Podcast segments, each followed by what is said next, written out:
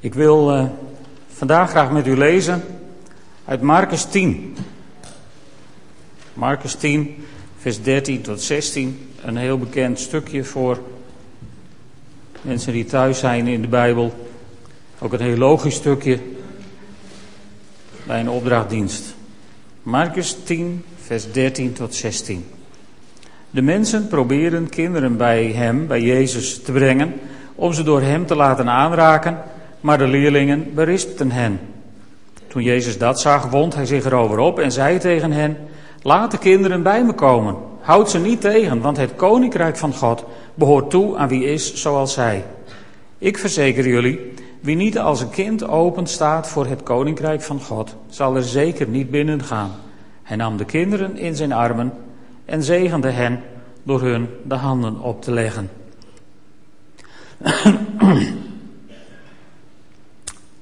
Misschien hebt u gedacht, waar zijn we nou vanmorgen helemaal mee bezig? Met elkaar, met al dat gebed voor ouders en kinderen en zwangere moeders en vaders.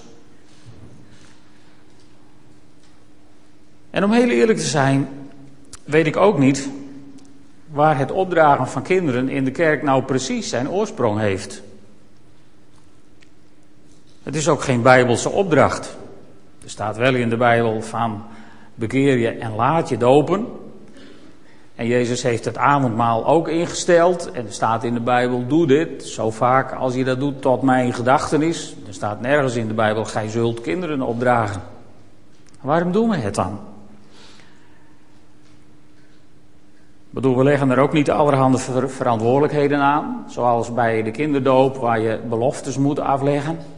Ook dat hebben we er niet aan verbonden. En we willen het ook beslist niet zien als een soort surrogaat kinderdoop. Zo van, nou jammer dat we dat niet hebben, laten we het maar zo doen. Het opdragen van kinderen is gewoon een traditie in ons midden. Een goede traditie. Waar we bijzonder aan gehecht zijn. En uh, ouders die kindjes krijgen zijn er kennelijk ook bijzonder aan gehecht. Want anders vroegen ze er niet om. Maar het is wel een traditie die toch bijbelse achtergronden heeft. En daar wil ik vandaag even met jullie naar kijken. De eerste waar ik met jullie naar wil kijken is naar Lucas 2, vers 22 tot 24.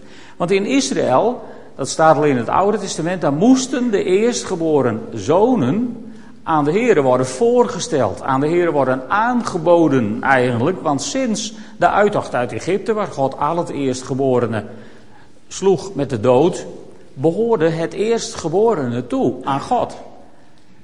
Mensenkindjes net zo goed als jongen van de dieren.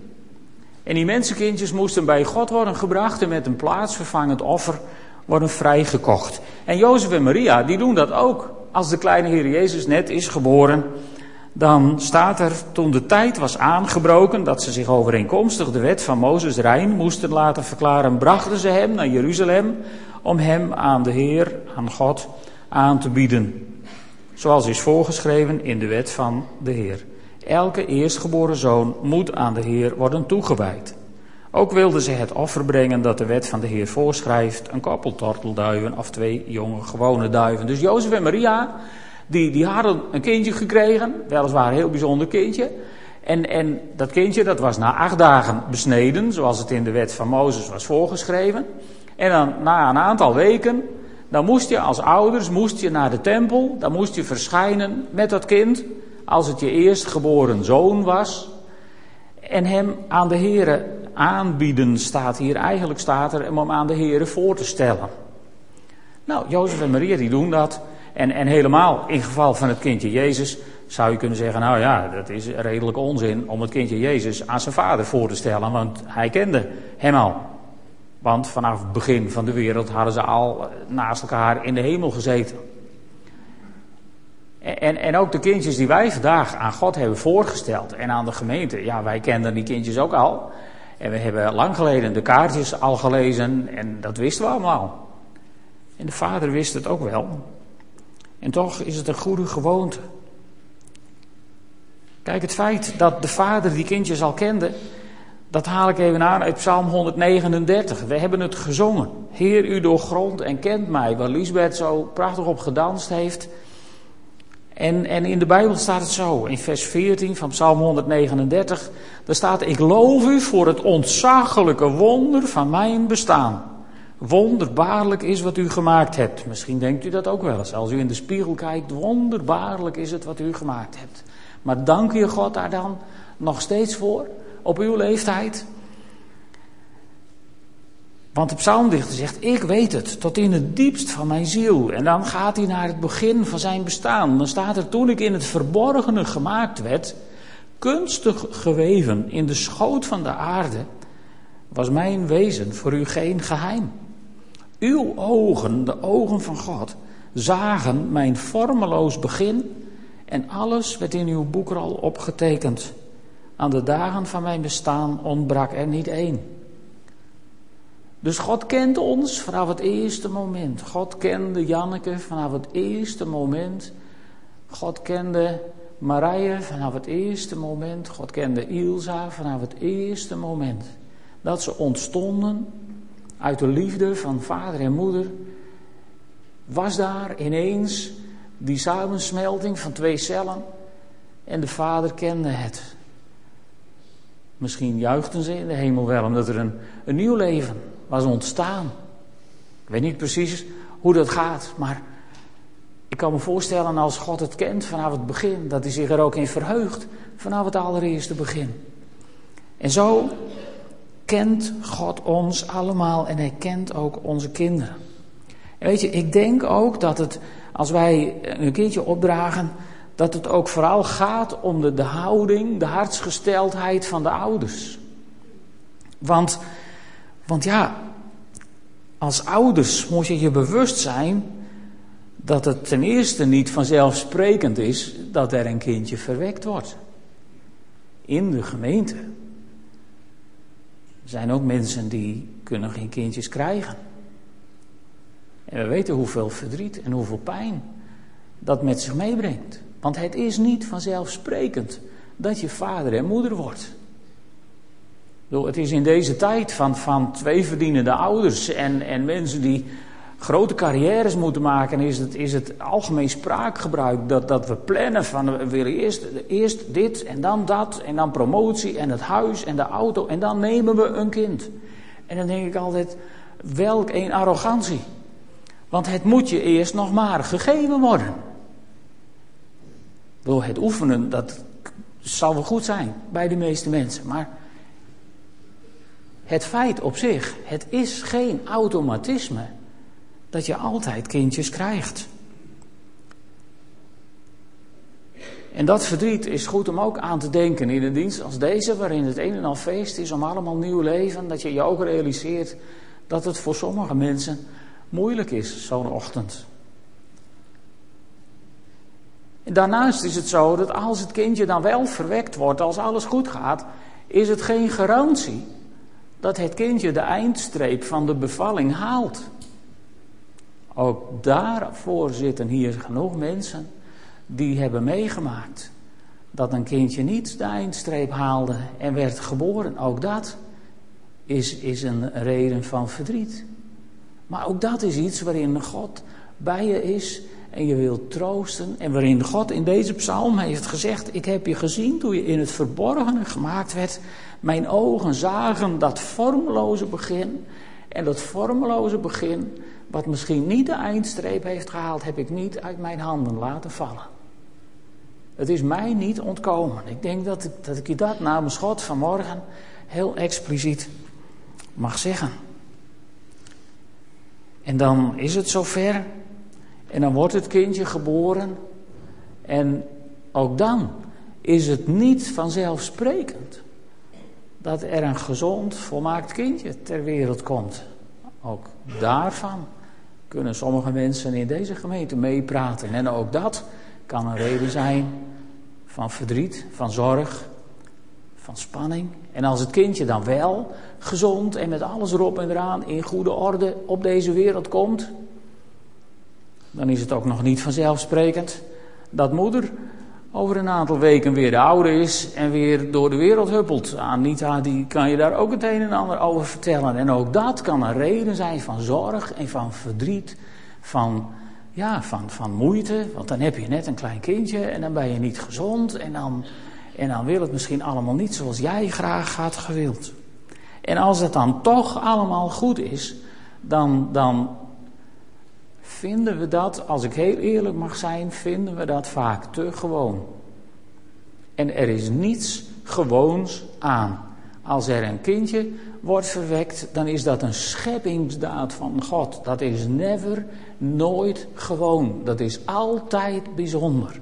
En als het dan allemaal goed is gegaan en als, als, als de natuur zijn beloop heeft gehad zoals God het heeft bedoeld, dan blijft er eigenlijk maar één ding over en dat is een hele diepe, innige dankbaarheid. En om het feit dat het niet zo vanzelfsprekend is, hebben wij hier ook de gewoonte aangenomen om, om wat we gedaan hebben voor moeders en babytjes die op het punt staan geboren te worden te bidden. Want het is niet vanzelfsprekend. Je hebt de hand van God, denk ik, op twee cruciale momenten in je leven bloedhard nodig om, om er goed doorheen te komen. En dat is het benauwde moment waarop je als mens geboren moet worden. Van de wereld in je moeder naar de wereld buiten je moeder moet verhuizen. En aan het eind van je leven is er weer zo'n benauwd moment waarop je de hand van God absoluut in je leven niet kunt missen. En dat is dat benauwde moment waarop je als het ware geboren gaat worden vanuit deze fysieke wereld door de dood naar de wereld bij God. Twee van die hele benauwde momenten waarop je er als mens zelf even niets aan kunt bijdragen. Of het wel goed gaat of niet goed gaat. Maar waarbij de hand van God onmisbaar is in je mensenleven. En natuurlijk zijn er genoeg situaties tussen die beide momenten. Dat is de reden waarom wij kindjes opdragen. Zijn jullie helemaal op de hoogte? De tweede Bijbelse achtergrond, die hebben we eigenlijk aan het begin gelezen. Kijk, in de tijd van de Heer Jezus was het heel normaal dat ouders hun kinderen aan beroemde rabbies kwamen voorstellen. In die tijd hadden moeders geen, geen foto's van de kinderen in hun portemonnee die je overal kon laten zien. Kijk, dit is de mijne. Die hadden we niet, dus moest je de baby live meebrengen. En zo deden ze dat dan. Als er een beroemde rabbi was, dan dan, dan vonden de ouders het geweldig als zo'n rabbi dat kindje in zijn armen nam en een gebed over dat kindje uitsprak en dat kindje de handen oplegde om het te zegenen. Dus wat Jezus deed was geen uitvinding van iets nieuws, dat was gangbare praktijk in die tijd. En eigenlijk was het een heel groot compliment voor Jezus dat die moeders met die kinderen bij hem kwamen. Want ze stelden hem daarmee op een voetstuk, als het ware. Van, oh, u bent ook een beroemde rabbi. Een bekende spreker. Wilt u, mijn kind, ook zegenen? En dan zijn die discipelen daar en die, ja, die vinden het eigenlijk maar verstorend voor de orde. En die willen, die willen eigenlijk willen ze de kindjes weren. En ik snap het ook wel een beetje. Weet je, zulke diensten als vandaag, met kinderen die wat zingen en kindjes die worden opgedragen en voor moeders bidden die bijna gaan bevallen en, en, en ook nog een avondmaal aan het eind. Het zijn van die familiefeestachtige diensten waarvan je als je, als je leiding moet geven aan zo'n dienst, de hele dienst een beetje het gevoel hebt van wat is het rommelig vandaag. Eigenlijk is het ook wel gezellig rommelig zo'n dag, want uiteindelijk waar zijn we nou gemeente voor, hiervoor? En, en dus het is, ik herken in de reactie van de discipelen een beetje dat spanningsveld van, van een kerkdienst. Ja, die wil je toch een zekere, zekere waardigheid meegeven.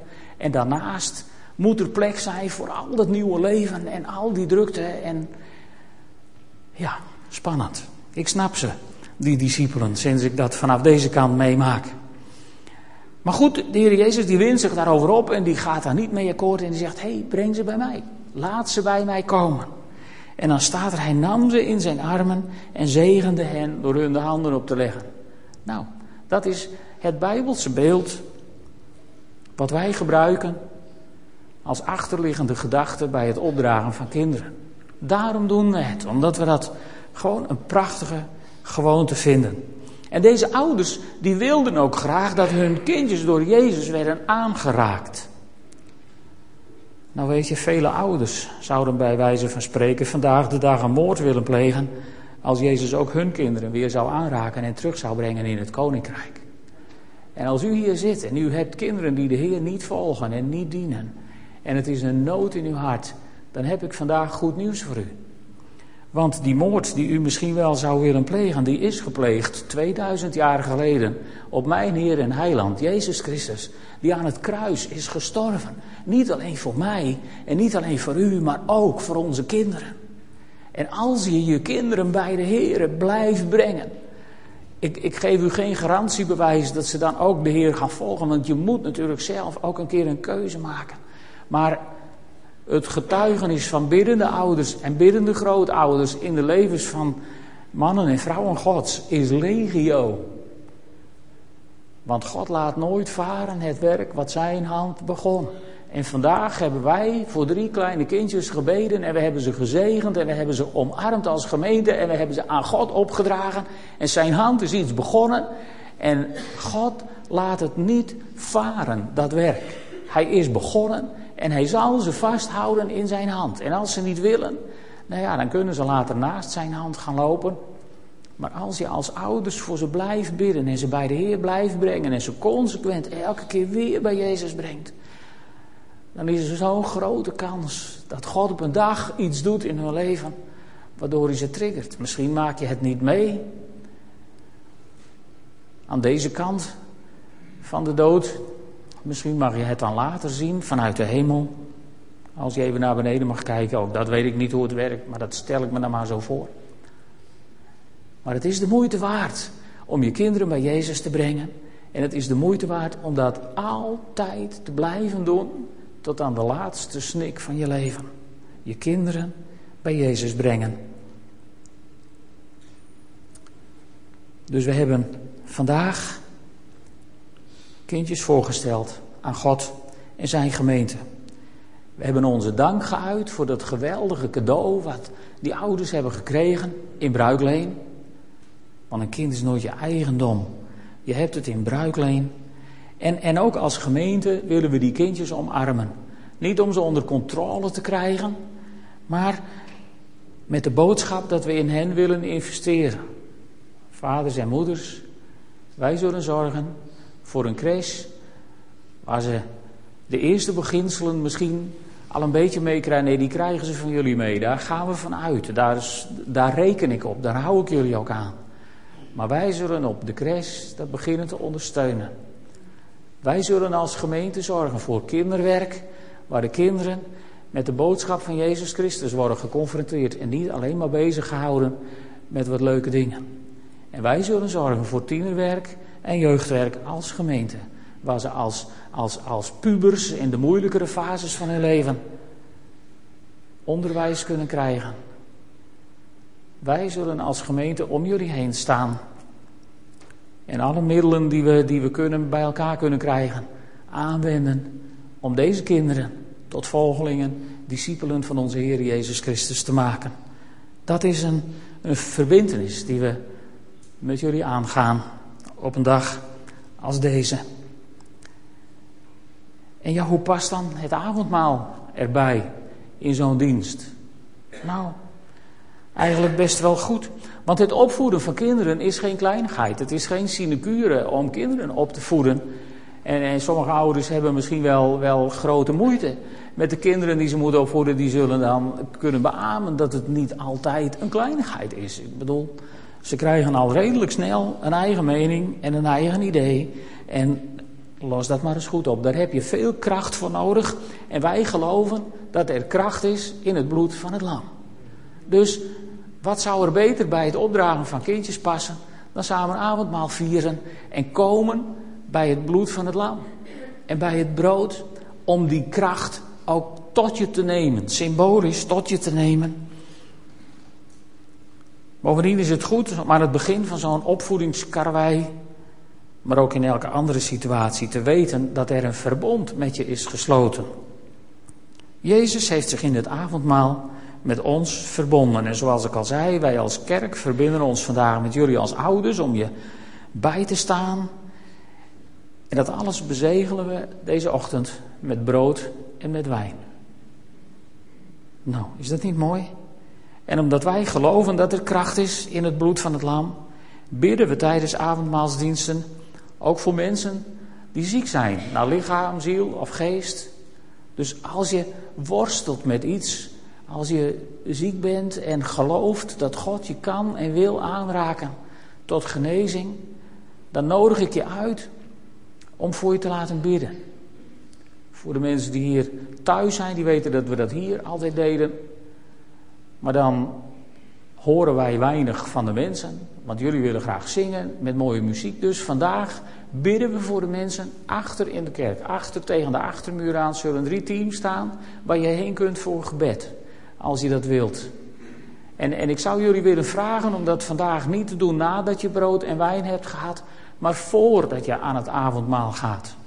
Als je gebed wilt, als je worstelt met een lichamelijk of een geestelijk probleem, dan willen we samen met je naar de Heer gaan. Omdat we geloven dat er kracht is in het bloed van het lam. En dan mag je datgene wat je in gebed hebt ontvangen, bezegelen met brood en wijn. In die volgorde willen we dat nu gaan doen. En als u denkt van ja, maar ik ben hier te gast. Wij zijn een open thuisgemeente. Met de nadruk vandaag op open. En als u de Heer Jezus kent als uw persoonlijke Heer en Heiland, als uw Verlosser, dan bent u van ganser harte uitgenodigd om met ons het avondmaal te vieren. En als u zegt, nou ja, ik ben hier te gast uit goed fatsoen, ik heb niks met de Heer Jezus van jullie, dan bent u ook helemaal vrij om op uw plek te blijven zitten. Wij schrijven niet op wie er wel en niet meedoen. Wij zullen u daar ook niet mee lastig vallen. Maak uw eigen keus, neem uw eigen verantwoordelijkheid, maar weet dat u bij ons welkom bent. En daarom stel ik voor dat we gaan staan en bidden voor brood en wijn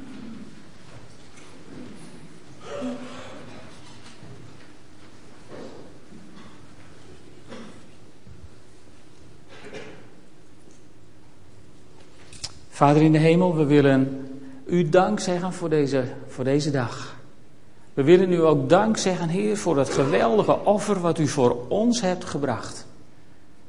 Heere God, en we willen zo in geloof dat u, ja, dat u ons wilt aanraken als we deel hebben aan uw gebroken lichaam en deel hebben aan het bloed van het nieuwe verbond. Wij geloven dat u ons dan wilt aanraken. Heere God, en in dat geloof wil ik het brood en de wijn zegenen in de naam van de Vader en de Zoon en de Heilige Geest. Amen. U mag even gaan zitten. In de nacht waarin de Heer Jezus werd uitgeleverd, nam hij een brood.